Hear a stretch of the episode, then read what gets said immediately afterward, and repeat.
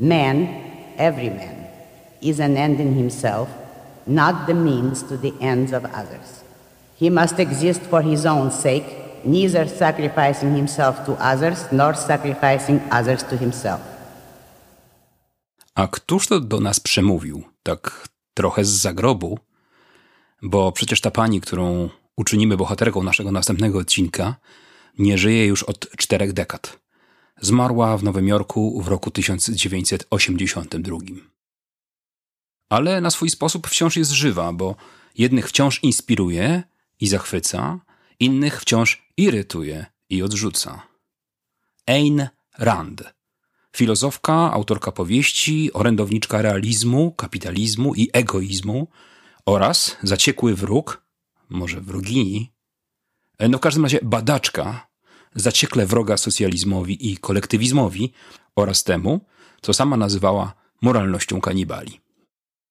Tak się składa, że niedawno ukazała się książka doktora Sławomira Drelicha z Wydziału Nauk o Polityce i Bezpieczeństwie Uniwersytetu Mikołaja Kopernika w Toruniu pod tytułem Moralność kanibali Ayn Rand wobec lewicowej wizji społeczeństwa.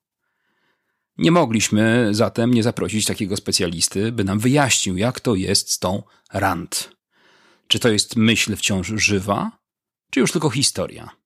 I czy broni się sama, czy musimy ją jakoś w stylu XXI wieku ożywić? Man, every is an end in himself, not the means to the ends of others.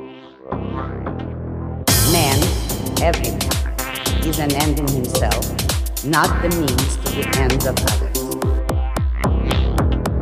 Man, every man, is an end in himself, not the means to the ends of others. He must exist for his own sake, neither sacrificing himself to others nor sacrificing others to himself.